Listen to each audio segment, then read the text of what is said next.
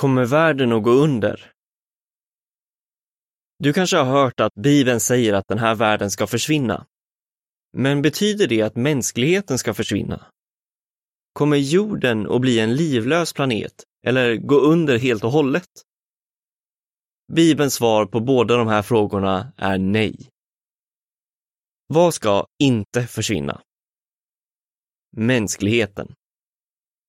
I Bibeln står det Gud skapade inte jorden utan mening, utan formade den för att vara bebodd. Jesaja 45 och 18. Planeten jorden. I Bibeln står det Generationer kommer, generationer går, men jorden består för evigt. Predikaren 1 och 4.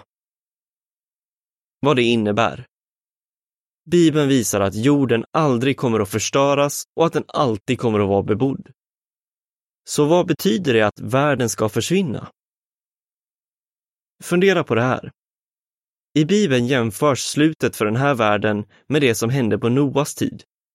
Då var jorden full av våld. Första Moseboken 6 och 13. Så Gud bestämde att han skulle ta bort alla onda och våldsamma människor i en översvämning. Men Noa var en god människa som gjorde det som var rätt, så Gud räddade Noa och hans familj. Så här beskrivs den händelsen i Bibeln. Den dåtida världen gick under när den översvämmades av vattnet. Andra Petrus 3 och 6. Här stod det alltså att världen gick under. Men vad var det egentligen som försvann? Inte själva jorden, utan de onda människorna på jorden. Så när Bibeln säger att världen ska gå under eller försvinna, så handlar det inte om att planeten ska förstöras. Det handlar istället om att de människor som inte har respekt för Gud ska försvinna och även de samhällssystem som de har byggt upp. Vad ska försvinna? Problem och ondska. I Bibeln står det, bara en kort tid till så är de onda borta. Även om man letar efter dem går det inte att hitta dem. Men de ödmjuka ska ärva jorden och få njuta av stor frid. Psalm 37, 10 och 11. Vad det innebär?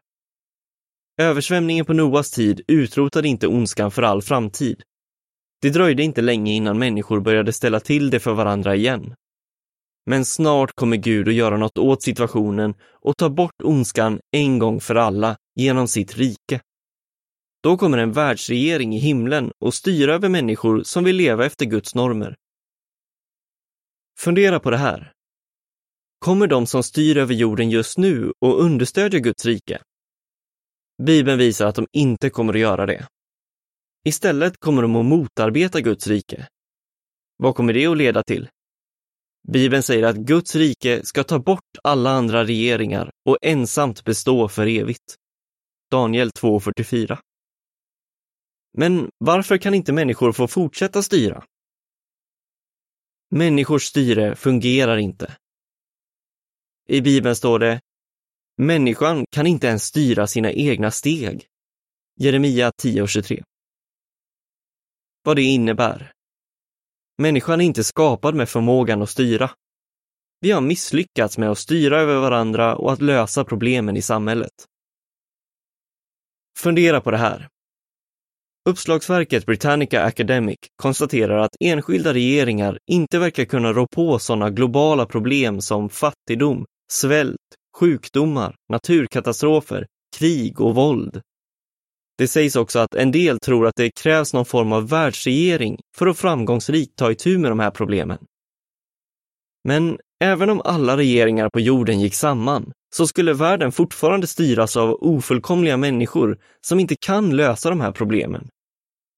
Det är bara Guds rike som har de slutgiltiga lösningarna på de globala problemen. Så Bibeln visar att vi inte behöver vara rädda för slutet för den här världen, alltså den här onda världsordningen. Vi kan istället se fram emot att allt det hemska vi ser idag ska ersättas av Guds nya värld. När kommer allt det här att hända?